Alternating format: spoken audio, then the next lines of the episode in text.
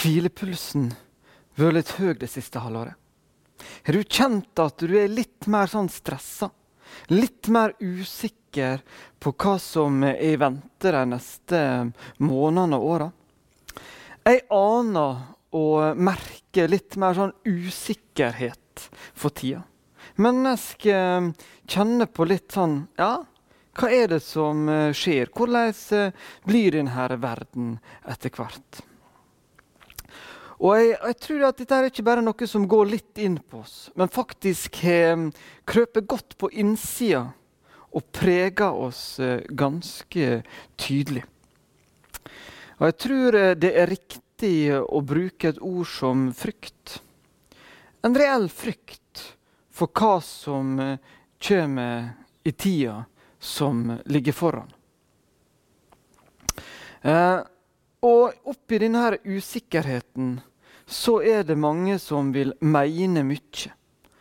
Si hva de eh, tror skjer. Noen framstår som skråsikre på hva som eh, er i vente. Eh, ofte for så å eh, At det viser seg at de tar feil gang på gang. Jeg vil ikke si at jeg er helt, helt fri for dette sjøl kjent på en eh, litt større eh, grad av usikkerhet eh, for hvordan verden ser ut om seks måneder.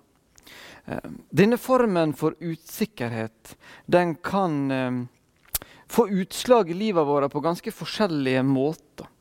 Men litt typisk er en rastløshet. Og kanskje at vi har lett for å hoppe fra noen meninger til noen ganske andre. Eh, det tar ganske mye tankevirksomhet hos oss, denne usikkerheten. Eh, det kan fort bli en del diskusjoner ut av det. Og ofte så opplever vi at det er trøttende. Det er energitappende med denne usikkerheten og frykten. Eh, vi har nå snart levd med korona i Norge i et år. Noen har vært syke og hatt lite symptom. Andre har merka symptomer mer. Noen har vært alvorlig syke, og en del har, har mista livet. Klart at dette her preger oss. Kanskje særlig um, de eh, eldre og eldste blant oss har kjent på en skikkelig frykt for det her. For det kunne og kan få eh, store konsekvenser for livet vårt. Eh, samtidig så eh, har mange vært ensomme. Og det har nok ikke gjort situasjonen bedre. Vi er i gang med den andre talen min eh, om temaet 'Følg meg'. Vi skal se på hva konsekvenser det kan få å følge Jesus i ei turbulent tid. For jeg tror at Bibelen har noe viktig å si til oss akkurat nå, når situasjonen er som den er. Og det håper jeg at vi skal få en større forståelse av eh, nå i dag. Vi skal starte med ei historie som er ganske gammel. Vi skal tilbake til eh, andre Mosebok. Moses eh, får oppdraget med å føle, føre israelsfolket ut av Egypt. Dette er et oppdrag som tidlig viser seg å være vanskelig. Bare det å få dem ut av Egypt, starte på vandringa mot det lovede land, eh, har mange vanskeligheter med seg. Etter en stund så får de kommet i gang på vandringa. De har gått et lite stykke, de har kommet til Sivsjøen eller Rødehavet eh, og slår leir der. Da eh, angra farao på at han lot israelsfolket forlate Egypt. Han finner fram de beste vognene sine. Han eh, setter um, offiserene sine på dem og sender dem av gårde etter israelsfolket for å hente dem tilbake. Der ute i ørkenen eh, så begynner israelsfolket å ane i horisonten hva som kommer. Og ikke rart så møter jeg dette her med usikkerhet, eh, med frykt. Ja, rett og slett med dødsangst. Fryktelig spent på hva nå som skal skje. De veit at dette her kan bli um, ufint. Og i denne eh, redselen og frykten så angriper de uh, Moses og Gud. Uh, vi skal lese hva anklager de kommer med. Fantes det ikke graver nok i Egypt, siden du har ført oss ut i ørken for å dø? Hvorfor har du gjort dette mot oss? Hvorfor førte du oss ut av Egypt? Var det ikke det vi sa til deg i Egypt? La oss få være i fred. Vi vil arbeide for egypterne.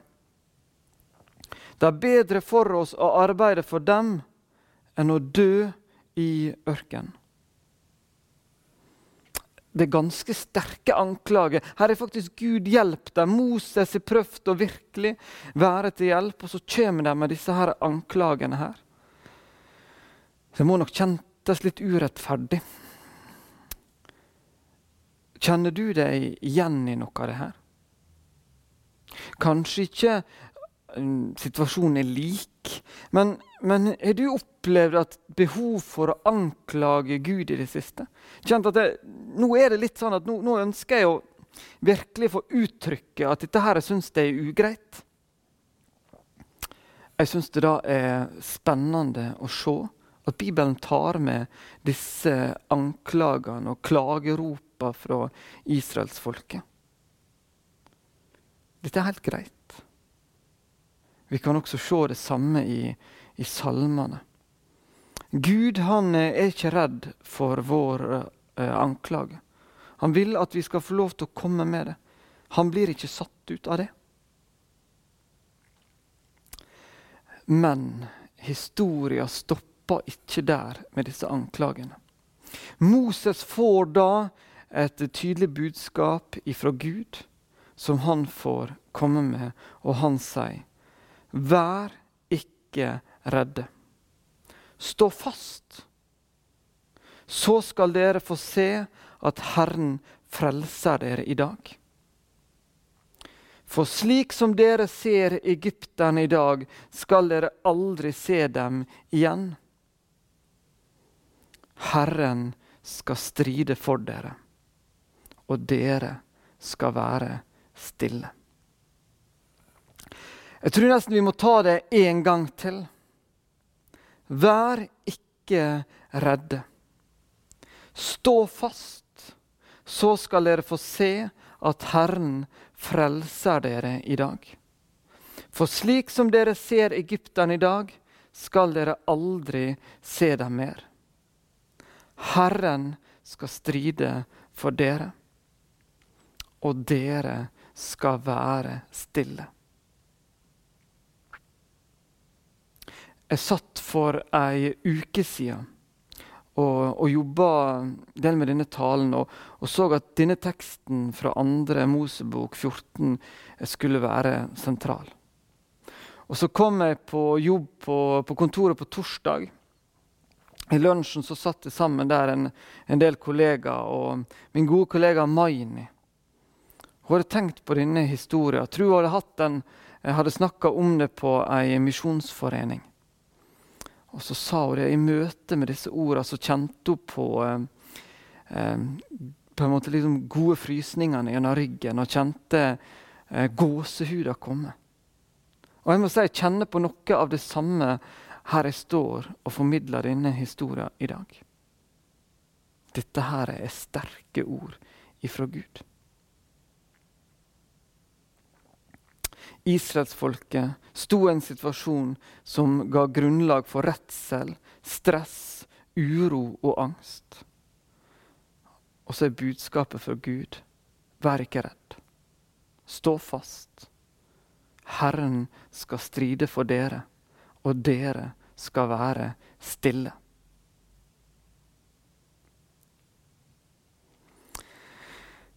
Dette budskapet fra Gud som Moses fikk formidle der til israelsfolket, var et løfte fra Gud inn i en helt spesiell situasjon.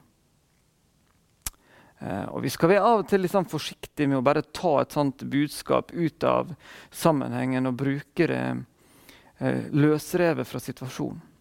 Men disse ordene som vi finner her i 2. Mosebok 14, der finner vi, gang, finner vi igjen gang på gang. Eh, I salmene eksempel, så møter vi dette her mange ganger. Og Vi kan egentlig se på dette budskapet her som en rød tråd som går gjennom hele Bibelen. Dette her er noe som Gud virkelig ønsker å si til oss mennesker i enhver situasjon. Vær ikke redde. I alle fall 90 ganger møter vi disse her tre ordene eh, i Bibelen vår. Noen sier at hvis vi ser på litt andre former for det samme uttrykket, så kan vi finne ca. 360 eh, ganger at dette blir sagt i Bibelen. Så du kan få dette løftet hver dag gjennom året.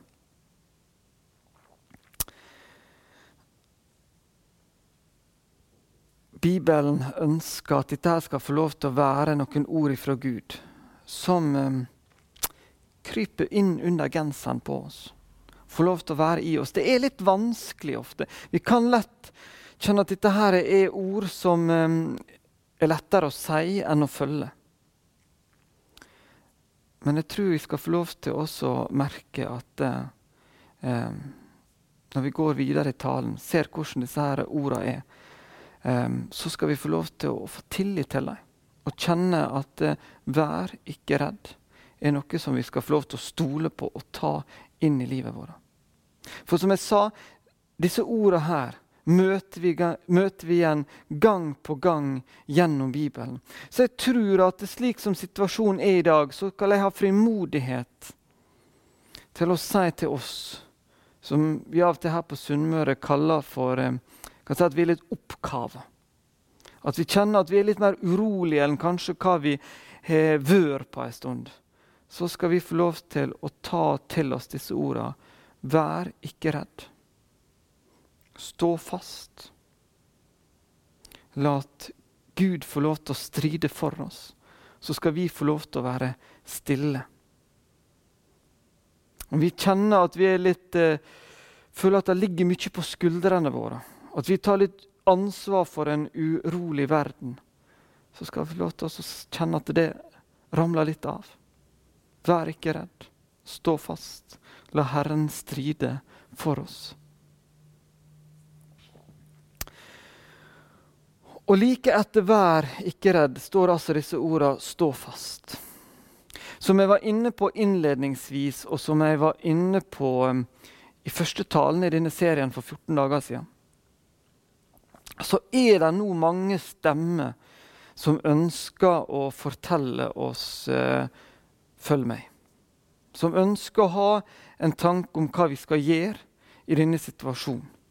Det er også mange eh, som sier at vi eh, ja, at de har på en måte fått sine profetier og, er opptatt av eh, at de eh, har fått noen budskap som forteller om hva som skal skje men som vi ikke finner grunnlag for i Bibelen. Så Det er en litt sånn krevende situasjon, det her. Og Jeg syns derfor det er interessant, spennende og viktig at det står nettopp eh, 'stå fast'. For i denne tida som vi er i nå, så tror jeg det er særlig viktig at vi tar dette til oss. At vi skal stå fast. Nå skal vi holde oss til det som er sant, det som er riktig, det som vi finner grunnlag for i Bibelen vår. Det er de ordene fra Gud som vi har der. Vi nå skal kjenne at det der skal tilliten vår være. Vi skal få lov til å følge Jesus. Det kan virke litt sånn motsetning at det, det å følge Jesus handler om å stå fast. Men nå er det budskapet til oss. Nå skal vi få lov til å se hva Bibelen sier til oss, og ikke eh, for lett eh, hoppe fra det ene til det andre. og følge med nye stemmer som kommer og mener at de har et budskap som vi skal følge. Det er Bibelen og Jesus vi nå skal følge.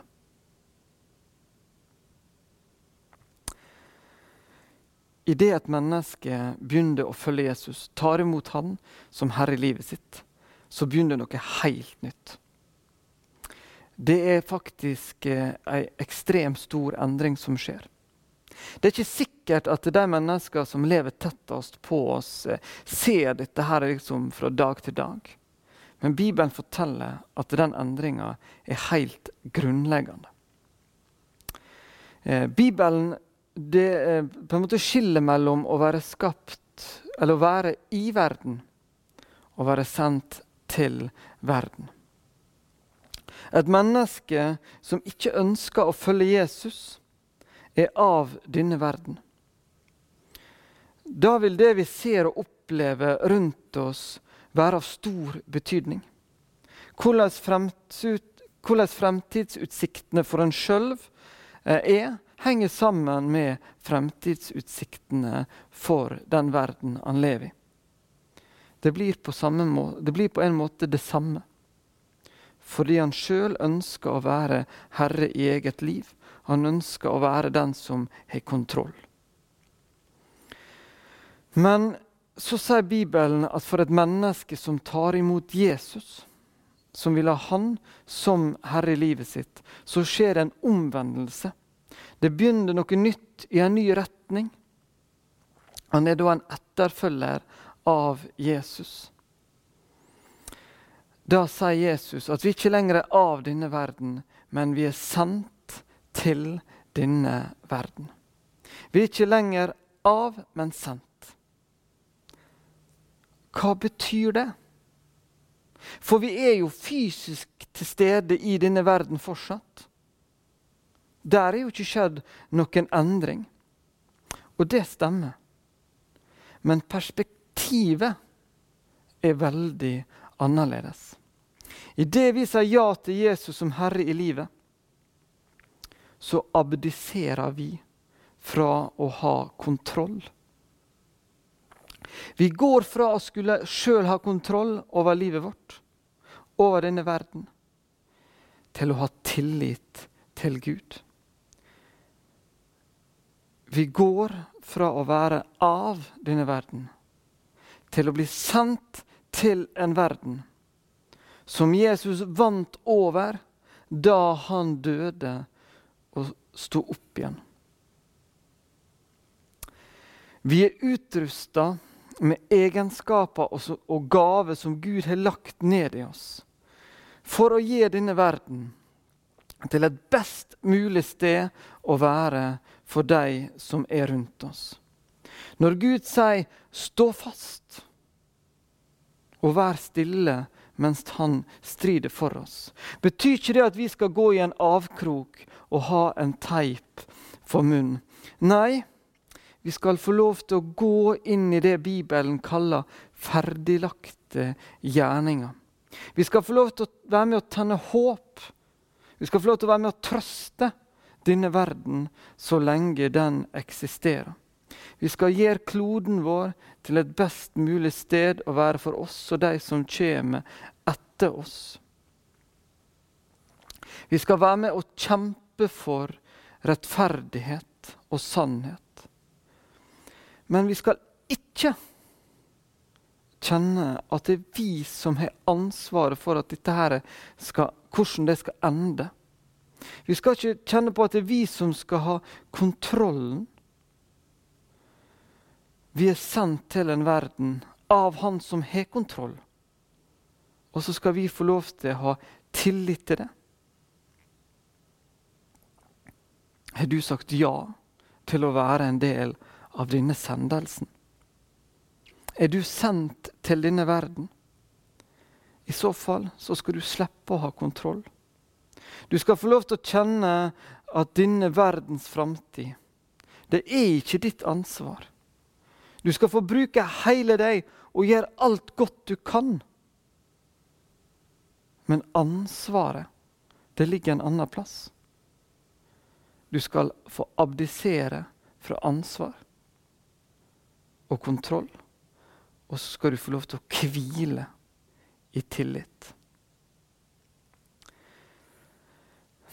Jeg har måttet jobbe litt sjøl eh, for at dette her skulle få større plass i mitt liv. Jeg måtte tatt noen valg for at jeg skulle få kjenne at dette her fikk konsekvens.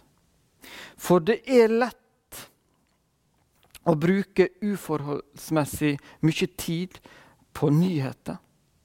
Eh, og i eh, kommentarfelt og diskusjoner på f.eks. Facebook når ting er mer usikkert. Jeg har bevisst redusert eh, min tid eh, på nyheter de siste månedene.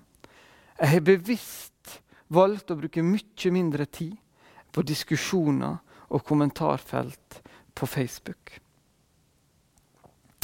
Jeg skal være orientert. Men jeg skal ikke være sykelig opptatt av nyheter og hva på en måte verden er opptatt av. Jeg skal ikke la meg bli styrt av nyhetsbildet. Jeg skal ikke la meg bli styrt av disse diskusjonene og kommentarfeltene på Facebook. Jeg skal la meg bli styrt av Jesus. Jeg skal følge han, og så skal jeg ha tillit til at han veit det beste for meg, og at han har kontroll for denne verden. Og han skal faktisk stride for meg.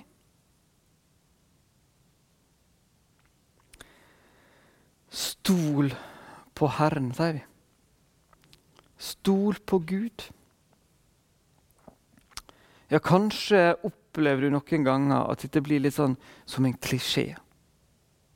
Igjen noe som er lettere å si enn å leve etter. Men det er ikke det. Det kan være det.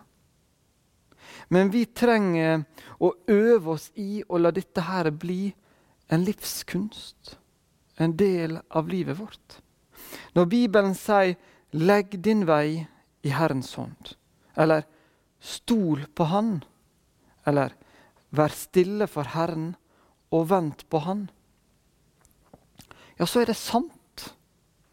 Det er ikke noen floskler. Det handler om et annerledes liv. Et liv der vi er sendt til, og ikke av, denne verden. Vi kan stadig lese om de som vil utrope hvem som de tror nå er antikrist. Vi kan høre Eh, om dyrets merke. Vi kan lese om spekulasjoner over tidstabeller fra Bibelen, og det er en mengde med konspirasjonsteorier rundt oss for tida. Men alt dette her, det er bare snakk. Det er avsporing, vil jeg si. Det er ikke noe liv i det her. Når Jesus sier 'følg meg', så er det konkret. Ikke være med og sette meg fart i disse spekulasjonene. Og ikke ha så mye fokus på tidstabeller. Det er ingen som har klart å treffe dette. Det er ingen som veit når Jesus kommer tilbake. Det er han som har kontroll oversikten over. Og la det få lov til å ligge hos han. La din etterfølgelse av Jesus vise at vi er sendt til en verden som sårt trenger mennesker som er med og letter byrdene som folk bærer på. Ikke legge til. Vi trenger mennesker som ser det store i det lille.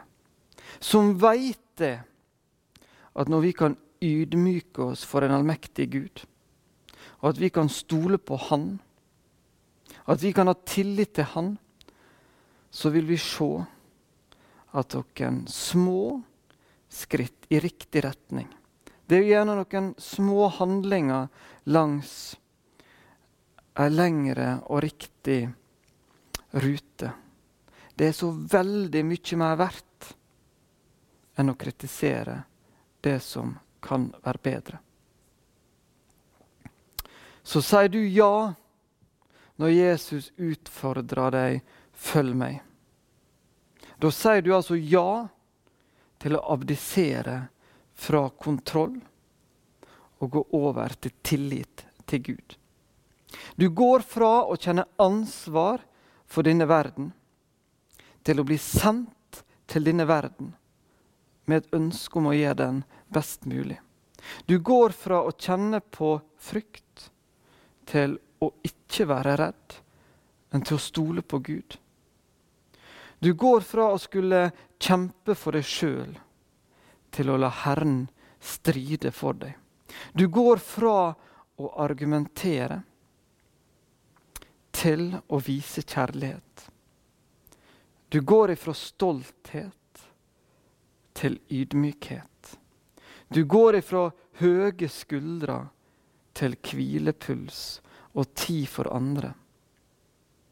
Du går ifra fokus på deg sjøl til å se at noe er så mye større enn oss. Du går fra å se verden gjennom dine egne øyne til å se verden gjennom Guds øyne. Som en etterfølger av Jesus lar jeg Gud stride for meg. Jeg skal stå fast. Og så skal jeg forsiktig, men målbevisst gå inn i små og store, ferdiglagte gjerninger som Gud har lagt der for meg, for at jeg skal få lov til å vise Hans kjærlighet til den verden jeg er sendt til. Der finner jeg nemlig roen og freden. Da blir plutselig perspektiva riktige, og hvilepulsen kan komme tilbake. Følg meg.